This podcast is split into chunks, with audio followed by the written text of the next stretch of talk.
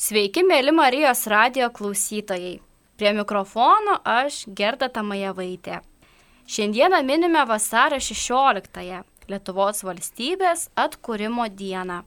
Ta proga mūsų studijoje lankosi ateitininkai Marija Zaleskytė, Matas Bandzevičius bei Lukrecija Kusmitskaitė. Sveiki. Sveiki. Sveiki.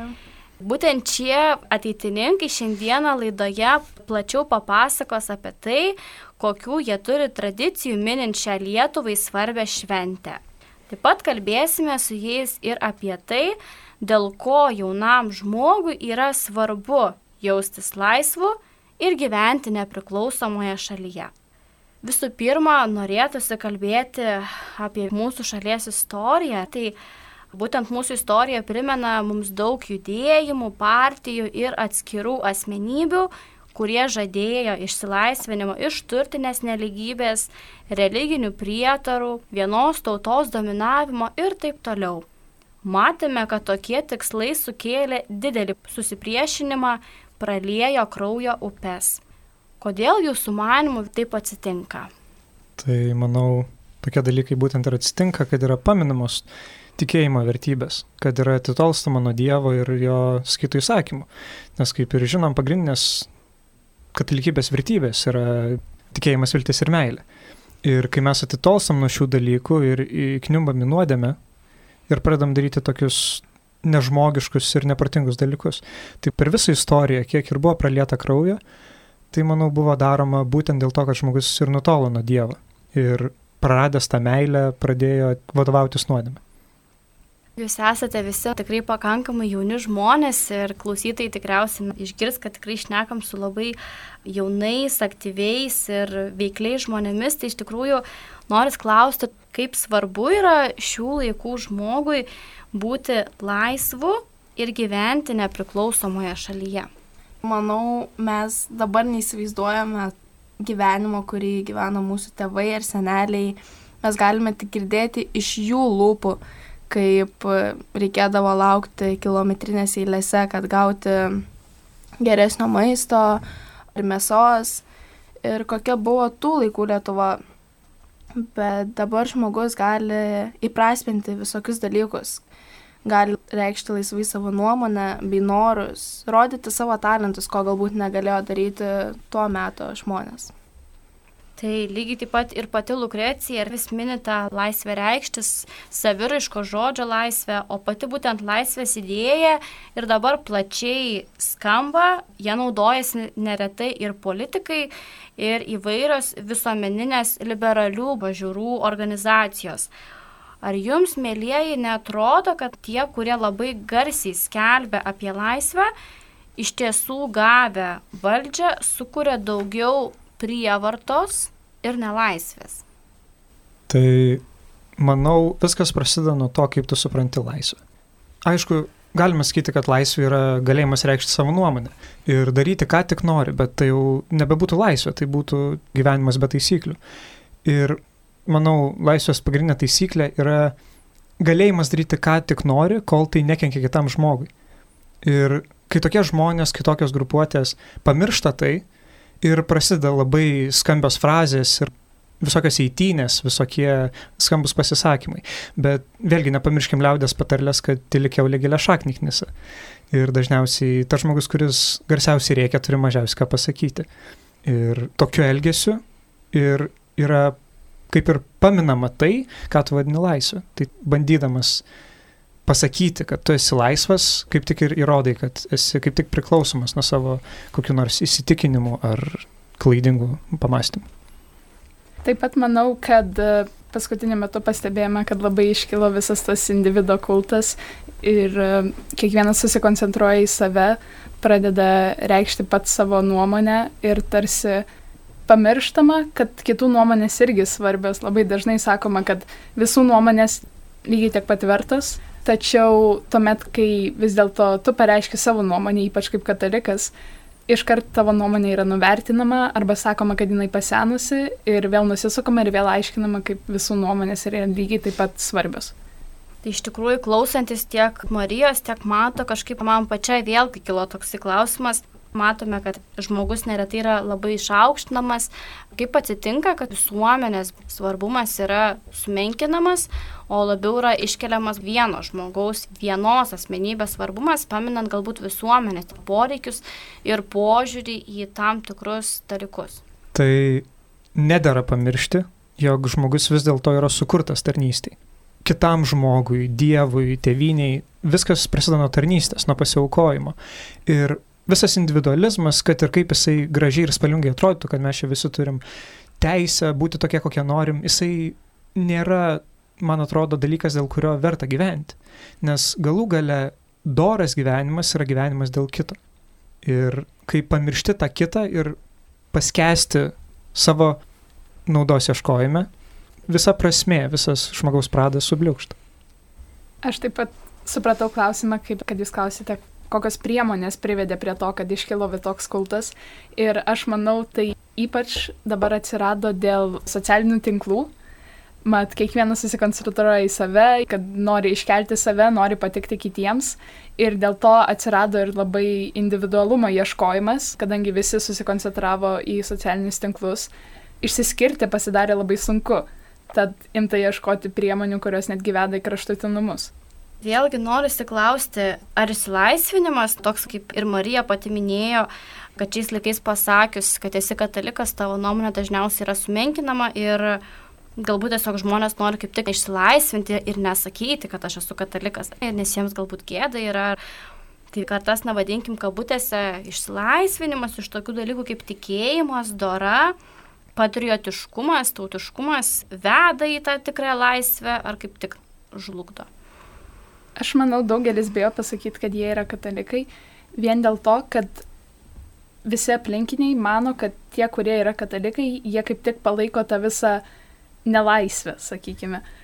Ir atrodo laikosi labai griežtų taisyklių ir dažnai net patys katalikai pamiršta, kad katalikiškumo visa esmė yra meilė kitam.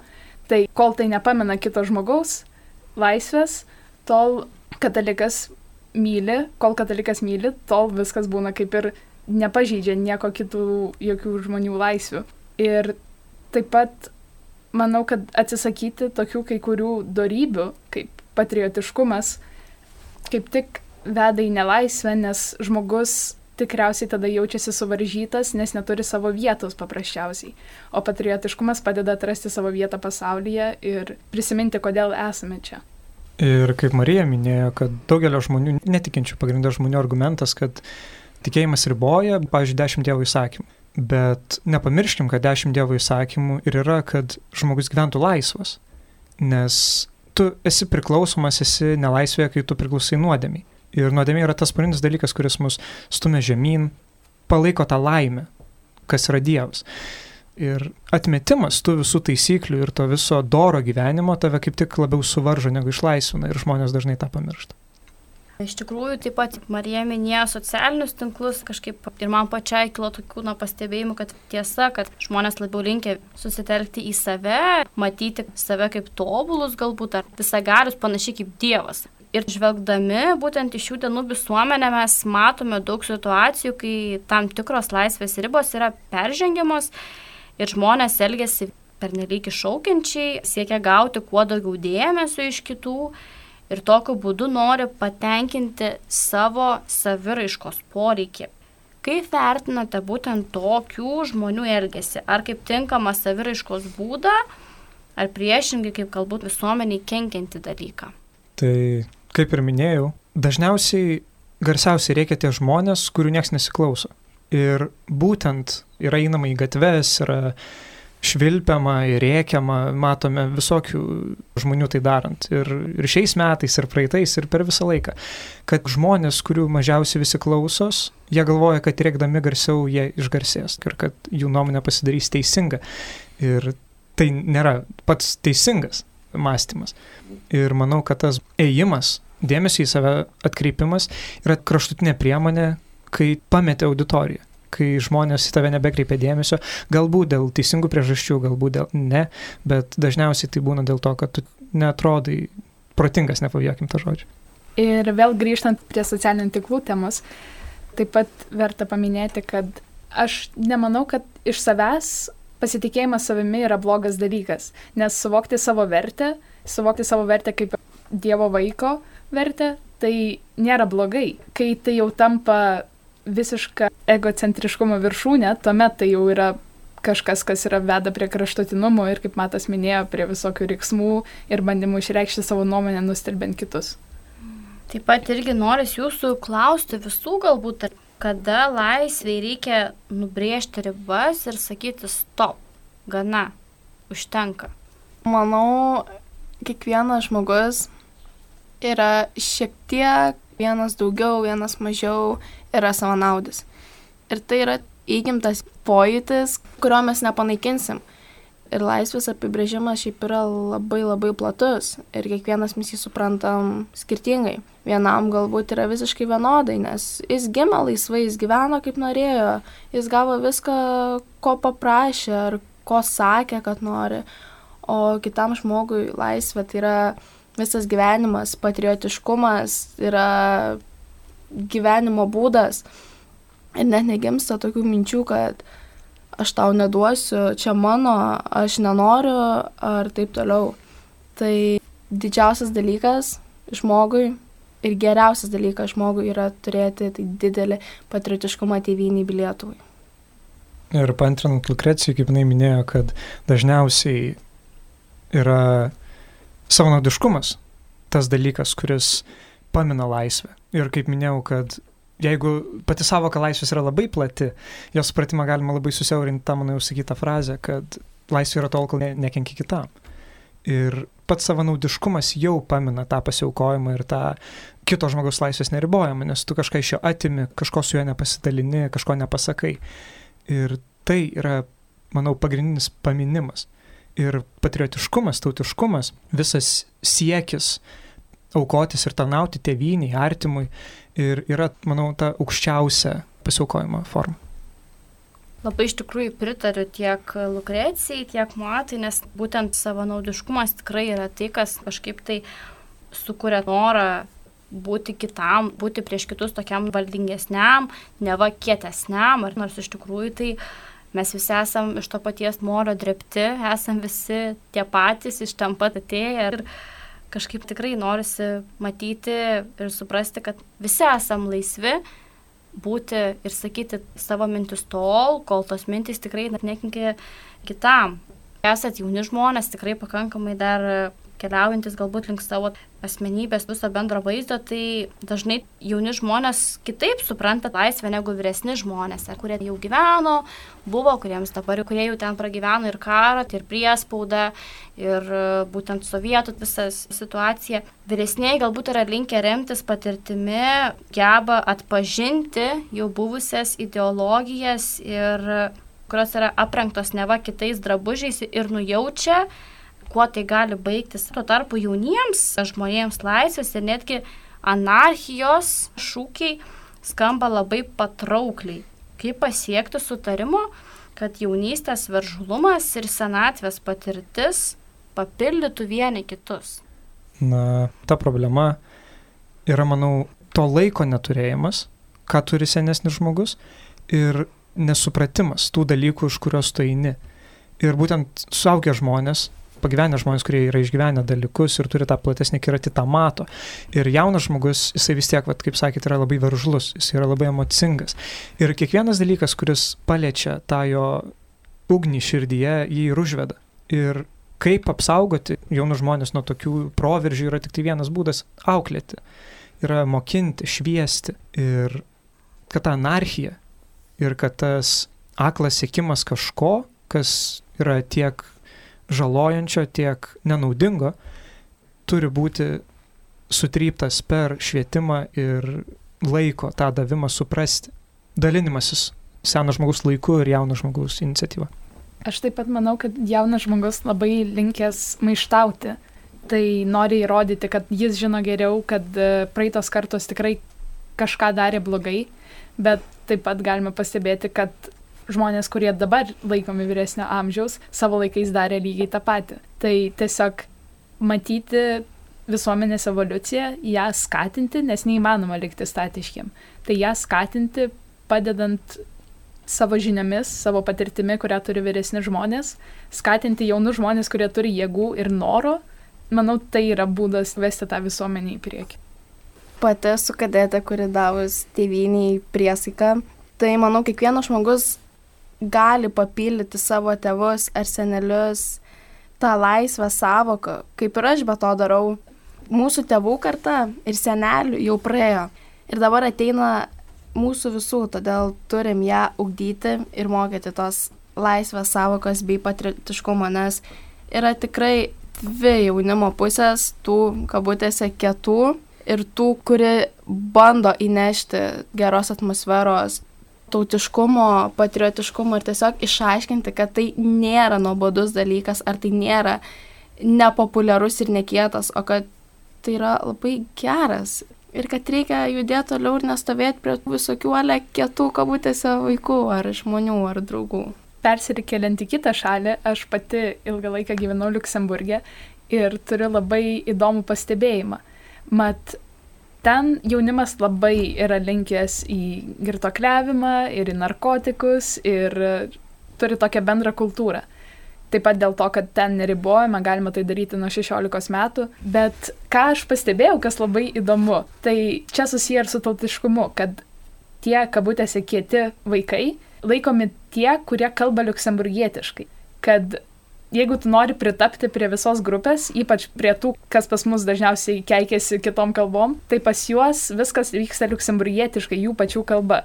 Ir tai yra labai įdomu ir labai keista, bet kažkaip man tuo pat metu ir labai gražu. Tikrai iš tiesų gali matyti, kad daug tų patirčių ar skirtingi žmonės, vad netgi turim patirtį iš Luksemburgo, kur tikriausiai visai kitaip tie žmonės masto. Galbūt ten iš ties daugiau to pasitikėjimo savimi, tos laisvės, to tokio polėkio galbūt. Nepaisant to, iš tikrųjų džiugu, kad žmonės vis tiek geba išsaugoti savo šaknis, savo tautiškumą ir suvokti, kad tai yra svarbu, nes tai yra mūsų savasties dalis ir būtent to buvimo, nes mes esame lietuviai tauta ir tikrai turime tiek savo kalbą, kuri yra nuostabi, graži ir pakankamai sunkiai kitiems išmokti. Tai galim didžiuotis ir džiaugtis, kad mes turime būtent tokius dalykus, kurie tikrai yra vertintini, saugotini ir tam tikrą prasme netgi labai kieti, galbūt galima sakyti. Vėlgi noriu klausti, ar esate pastebėję, kad tie žmonės, kurie deklaruoja kitiems apie būtinybę laužyti taisyklės, išsilaisvinti ne, iš neva varžančių pareigų ir nuostatų, labiausiai įsižeidžia tuo met, kai kas nors konkrečiai jų atžvilgiu nutarė nesilaikyti taisyklių ir pažeisti jų teises. Tai taip, tikrai pastebėjom, nes esame jauni žmonės, tikrai didžiąją savo dabartinio gyvenimo dalį praleidžiam internete, kur yra labai populiari ta pati anarchizmo, liberalizmo visa banga. Ir yra labai didelis pastebėjimas, jog tu kaip, na, sakykime, konservatoriškesnių pažiūrų žmogus nieko negali pasakyti. Nes namuose taip, bet kai ypač nematai žmogaus ir kai yra tas internetas, visa ta erdvė, kur gali sakyti bet ką, niekas tavęs nepasigaus ir yra už ko pasislėpti, žmogus įgauna drąsos. Ir tas gebėjimas nediskutuoti, bet pasinaudoti tą gaują, kuri yra susikaupusi aplink tave ir tuo skydu, kurį vadinam internetu, tą ir duoda, tą laisvę teikti savo idėjas, bet tuo pačiu neišklausyti kitos pusės ir vien dėl to, kad tau kažkas pasakė, kad tai yra bloga nuomonė, ją dergti. Kaip Matas minėjo, kad labai lengva pasislėpti socialiniuose tinkluose už kitos pusės, o ne ateiti ir pasakyti tiesiai šviesiai to viską akis, nes čia, manau, realiai lem ir patyčių tema. Ir tikrai esame visi susidūrę, vieni mažiau, kiti daugiau. Ir tie kieti vaikai, kabutėse, atrodo jiems, kad jie yra tobuli, jie save kelia aukščiau ir jie gali kažką tau sakyti blogo, negražaus ir tu tiesiog būsi nužemintas ir bijos jam atsakyti žodį atgal. Bet kai tu jam atsakai kažką atgal ir kai pažeidė jau jų taisyklės, tada prasideda visokie grasinimai, kad tu ten šioks ir anoks ir prasideda visokias tų kietų vaikų nesąmonės, į kurias realiai nereikia, manau, nusileisti, o kalbėtis tiesiai šviesiai į akis ir spręsti tiesiogiai, o ne pro socialinius tinklus arba už ekranų. Taip pat manau, kad tie visokie blogi komentarai, ypač apie kitų žmonių išvaizdą arba šiaip vertybės, kyla iš žmonių pačių nepasitikėjimo savimi. Tad kai tu pats pakomentuoji, tu pats atsakai jiems jų neteisingus teiginius ar neteisingas nuomonės, tuomet jie jaučiasi pažeidžiami ir dar labiau pažeidžiamesni dėl to, kad internetas jiems suteikia va tą saugią vietą. Ir kai tu jiem drįsti pasipriešinti, tuomet jie iškart pradeda tave pulti kaip paprasčiausią bandymą apsisaugoti. Iš tikrųjų galiu antrinti, kad neretai tiek tek yra klausytis įvairių programų, kad būtent tie žmonės, kurie linkia kitą žeminti, niekinti, neretai patys yra viduje labai sužeisti, sužaloti ir tokiu būdu norėdami išreikšti tą skausmą į išorę ir nematydami kito būdo, jie renkasi agresiją, pyktį, šaukia, rėkia, grasina galbūt netgi. Ir tokiu būdu siekia pasauliui parodyti, kad, ei, aš čia, aš irgi čia esu. Bet tik pabandžius tokiam žmogui pasakyti, kad tu sustok, būk savimi ir toks nebūk, taip neselg, juose vėlgi kyla tas toksai noras išsireikšti, išsisakyti ir jie dažniausiai būna nugesinti ir palikti kamputį, o tie žmonės, kurie sugeba pastovėti ir apsiginti, jie būna tada nugalėtojai ir laimėtojai. Bet svarbiausia šitoje vietoje yra viską daryti su meile, su tikėjimu ir būtent su Dievo pagalba. Čia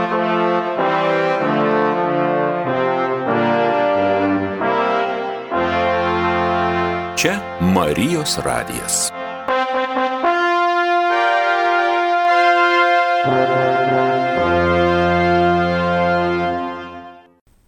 grįžtant prie mūsų temos, dar šiek tiek labiau vyresni žmonės vis dar atsimena tuos laikus, kai visa, kas vyksta, nebūdavo taip labai sureikšminama, kaip yra šiais laikais daroma. Buvo įprasta ištverti tiek karą, tiek pakesti nepriteklių, maisto stygių, suremti pečius ir na, taip visiems kartu tas naštas pakelti.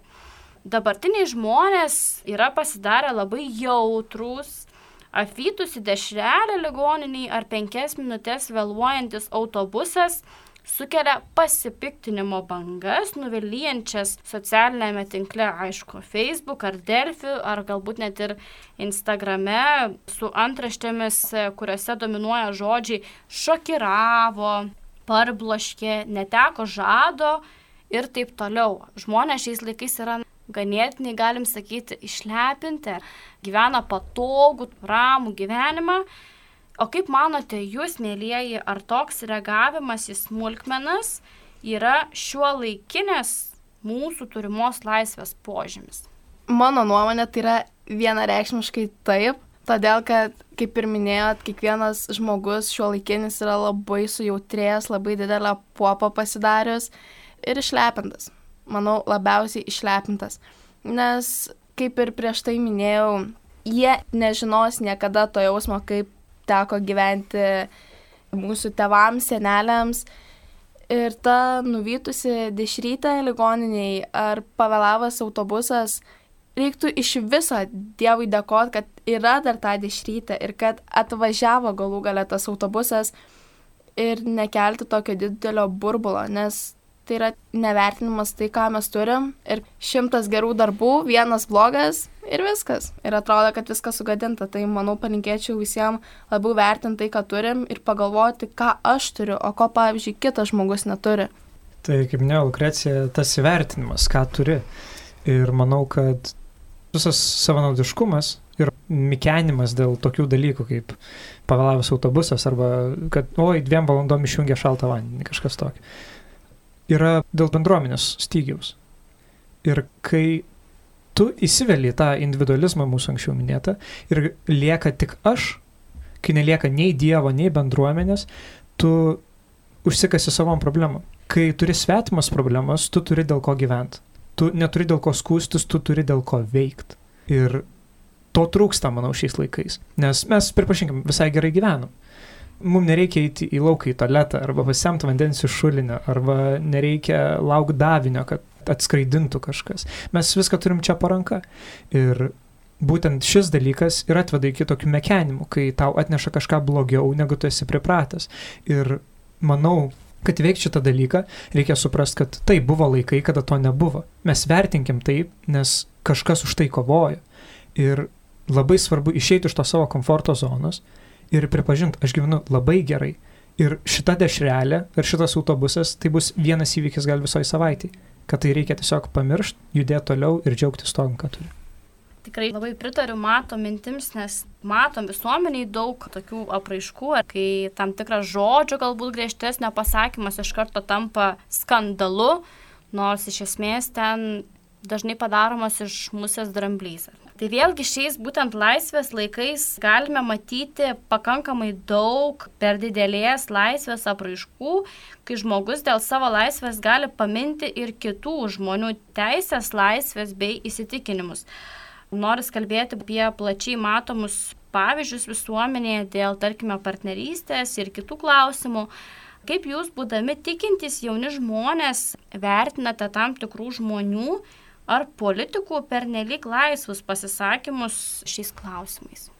Na, vėlgi, manau, viskas nulaša iki tos vienos frazės savanaudiškumas. Žmogus, neišsilavinęs žmogus, arba vedinas kažkokių ambicijų arba įsitikinimų, pamiršta, kas yra teisinga ir kaip yra sakęs ir skūręs Dievas.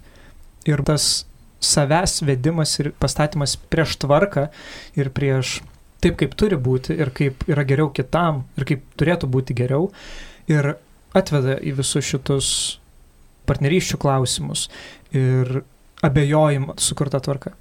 Aš taip pat manau, kad visos šitos klausimų sukeltos bangos į jas reaguojama gal per stipriai. Tiek to partnerystės klausimų, daugelis pradeda pulti iš karto tuos visus, kurie reiškia kitaip negu jie. Tiek katalikai, tiek kita pusė. Ir pamirštama, kad pirmiausia yra meilė. Tai užuot susikoncentravusi tai, kaip reikėtų pareikšti būtent savo nuomonę, reikėtų pradėti ieškoti kompromisų. Kalbant toliau apie jūs, kaip būtent apie ateitininkų organizaciją, teko girdėti ir skaityti apie jūsų turimus penkis principus. Vienas tų principų tai yra tautiškumas kuris reiškia, kad ateitininkas turi būti geru lietuviu, jis turi ne tik mylėti Lietuvą, bet kalbėti lietuviškai, pažinti Lietuvos istoriją ir dirbti dėl Lietuvos. Kaip šis principas konkrečiai pasireiškia jūsų kaip bendruomenės veikloje? Tai kaip ir prieš tai minėjau, dabar va čia netgi sėdžiu su apranga ir ta priesaika, kurią čia dabar nekalbant apie ateitininkus, o mokykloje daviau priesaiką ir atrodo, kad net akmuo nuo širdies nukrito, nes jau galiu save laikyti tautišką, tautišku žmogumi. Ir pavadinimas kadetas, kai tu turi teisę nešioti Lietuvos vėliavą, visokią atributiką bei skiriančias ženklus tave nuo kitų antsiuvai, kurie įrodo, kad esi kitokia, kurie įrodo, kad tu davėjai tą priesaiką, tu esi jau tikra Lietuvos patriotė ir kadetė. O kalbant apie ateitininkus, tai stovyklose kas rytą yra keliama Lietuvos Respublikos vėliava ir vakare nuleidžiama kiekvieną rytą gėdamas Lietuvos Respublikos himnas o vakare ateitininkų himnas. Turime moksleivių žygį per Mindaugines ir akademijose labai daug kalbam apie tautiškumą, patriotiškumą. Ir šiandieną vasario 16-ąją kiekvienais metais turime tokį labdaringą pokylį. Tai būna iškilmingas pokylis, kada susirenka žmonės su baliniam sukneliam, smokingais, yra vedamas aukcionas ir yra švenčiama ta nepriklausomybė. Ta dvasia ir ta, kad mes tapom tuo, ko mes esam dabar būtent tada. Ir tas grįžimas dar į anuos laikus, kuomet buvo tokia pranga ir tokie pokyliai, atmena mums ir padeda labiau suprasti, už ką buvo kovojama ir kaip galime džiaugtis dabar. Taip pat visi vyresni ateitininkai skatina jaunesniuosius dalintis savo meilę Lietuvai, dalintis savo patirtimi, patys dalinasi savo patirtimi, kalba apie lietuvius užsienyje, kalba apie Lietuvos istorija, mums nuolatos primenama ta Lietuvos istorija. Štai pavyzdžiui, duodant įžodį, tai reiškia tampat ateitininku, būtina kaip ir atsiskaityti klausimus apie Lietuvos istoriją arba būna klausimai susijęs tautiškumu ir jie yra lygiai tiek pat svarbus kaip ir viskas kitkas. Man iš tikrųjų klausantis labai pasidarė įdomu, kas tas jūsų yra akademijos. Manau, kad klausytojams irgi būtų įdomu sužinoti, kas tai yra, nes galbūt ne visi žino, galbūt jie nėra labai susipažinę su ateitininkų veikla. Galbūt galėtumėte plačiau apie tai papasakoti ir pasidalinti. Taip, tai moksleivių, būtent moksleivių akademijos, nes ateitininkų sąjunga turi keturias mažesnės sąjungas, tai yra jaunučių, moksleivių, studentų ir sendraugių. Akademijos yra rengiamos moksleivių ateitininkų. Tai yra sezoninis renginys keturis kartus per metus. Kokiam nors Lietuvos mieste tam tikra tema, pagrindę pagal mūsų principus, rengiamas kaip ir susibūrimas, į kurį norint patekti reikia rašyti rašinį, patikta tema, priklauso nuo amžiaus, skiriasi temos. Ir jame yra gvildenama ta pasirinkta tema. Atvažiuoja paskaitininkai, kunigai, profesoriai, žurnalistai, visokie kitokie žmonės ir jie mums skaito paskaitas. Taip pat po paskaitų grupelėse aptarėme visą šitą dalyką. Kiekvieną dieną einame į mišes ir galima skaityti įgyvendinam tos sus principus būtent akademijose. Yra ir bendruomenė, ir, ir tautiškumas, ir katalikiškumas įgyvenimas ten. Taip pat pastebėjom, kad daugelis žmonių, kurie atvažiuoja ateitininkų, šiaip dėl to, kad jiems įdomu, dažniausiai pasilieka ten, nes akademijos yra puikus būdas susirinkai bendruomeniai, ten susirinka tikrai motivuoti žmonės, tai reiškia parašiusi į rašinę. Ir ten būna tikrai pati smagiausia kompanija ir mes ne tik sėdim paskaitose, kaip galėjo pasirodyti iš to, kaip Matas kalbėjo, bet mes taip pat, štai pavyzdžiui, Žiemos akademijos metu mes irgi turime tokį kaip ir pokylį, švenčiame naujosius metus, kartu su prieš tai adoracija žinoma, bet vis tiek. Ir taip pat turime daug visokių žaidimų, per to žaidimus irgi atrandame Lietuvos istoriją, skatinama kurti vaidinimus, kurti kitą santykį su kitais. Ir taip pat daug dainuojame, daug e, šokame, labai mėgsta pasikviesti vis kokį ansamblį, kad liaudės šokių vakarėlį kokį turėtumėm. Ir taip ta Lietuva ir tas tikėjimas įpinamas į visas tas veiklas, kurias turime. Dar pridurant Marijai, kalbant apie tautiškumą, visiems moksleiviams, kurie važiuoja akademijas, viena labai įsimintina detalė ir viena svarbiausių ir net yra raudama, kai tai neįvyksta vakarais, tai paukščių gesmė. Gesmė, kurią gėdodavo išeiviai tarpukariu, neprisimenu kokio autoriaus, bet visi atmintinai žinome ir gėdame kas vakarą. Ir tai yra būtent tas kaip ir bendrystės ir tautiškumo požymis ir apraiška. Aš pati rašiau tekstą apie autorių šių paukščių ir tai yra Paulius Jurkus. Jisai daug metų gyveno užsienyje, tad tikrai jaučiasi, kad jis buvo užsienio lietuvis, kuris rašė tos gražius žodžius. Ir aš pati, būdama užsienio lietuvė daugelį metų, tiek kalbėdama su kitais, kurie gyvena ne Lietuvoje, tiek pati jausdavau, kad tas paukščių momentas būdavo kažkas nerealaus, nes visi staiga pamiršta bet ką ir tai būna pamaldos ir tas būna toksai rimties vakaro momentas ir visi staiga susivienia ir nesvarbu, kam kur teks išvažiuoti po tos akademijos, tiesiog visi tuo metu yra labai vienoj vienoj bendrystėj. Aš galiu pridurti, kad akademijoje, tiesą sakant, buvau tik pirmą kartą ir tai buvo vasara, nes po to nuotolinės akademijos nepriskaičiuosim, bet kai tik nuvažiavau, mes buvom mažiausi mūsų grupelė, ką tik iš Birčiūno atėjusios iš stovyklos, tai tos visos paskaitos, aišku, tikrai labai įdomu, konspektavom, buvo konspektų konkursai visokie, kieno geriausi konspektai. Ir kai ateidavo tą vakarą malda, kai visi susirinkdavom į salę, tarp žvakių, suskabidavom rankom ir pradėdavom gėdoti tą paukščių giesmę, aš nemoku apsakyti tos auros, kuri ateidavo.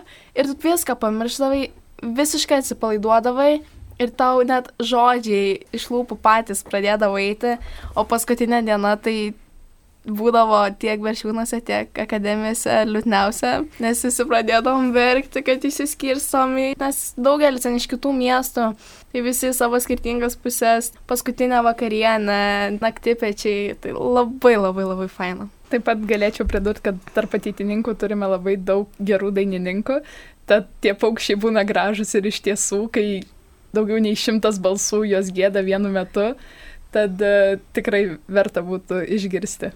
Kažkaip klausaus jūsų ir taip net pačiai širdis virpa kažkaip, taip tikrai nuostabus jausmas, tikrai tikiu, kad tenka patirti ir tikrai nuostabi ir tikiu, kad labai labai nereali patirtis. Tai mes čia tikrai, manau, padarėm labai neblogą reklamą, būtent ateiti rinkams, tikrai nakviesim prisijungti. Bet dar grįžtant prie vasario 16 temos, jau į laidos pabaigą noriu klausti, o kokių tradicijų turite jūs būtent paminėdami vasario 16 šventę? Galbūt vyksta kasmetinis renginys ar susitikimas su kitais ateitininkais? Taip, tai jau minėtas, pavyzdžiui, vasario 16 pokylis. Ir šiaip patiem ateitininkam vasario 16 yra be galo svarbi šventė. Ne tik dėl tutiškumo, bet dera paminėti, kad ir tarp nepriklausomybės akto signatarų buvo trys ateitininkai.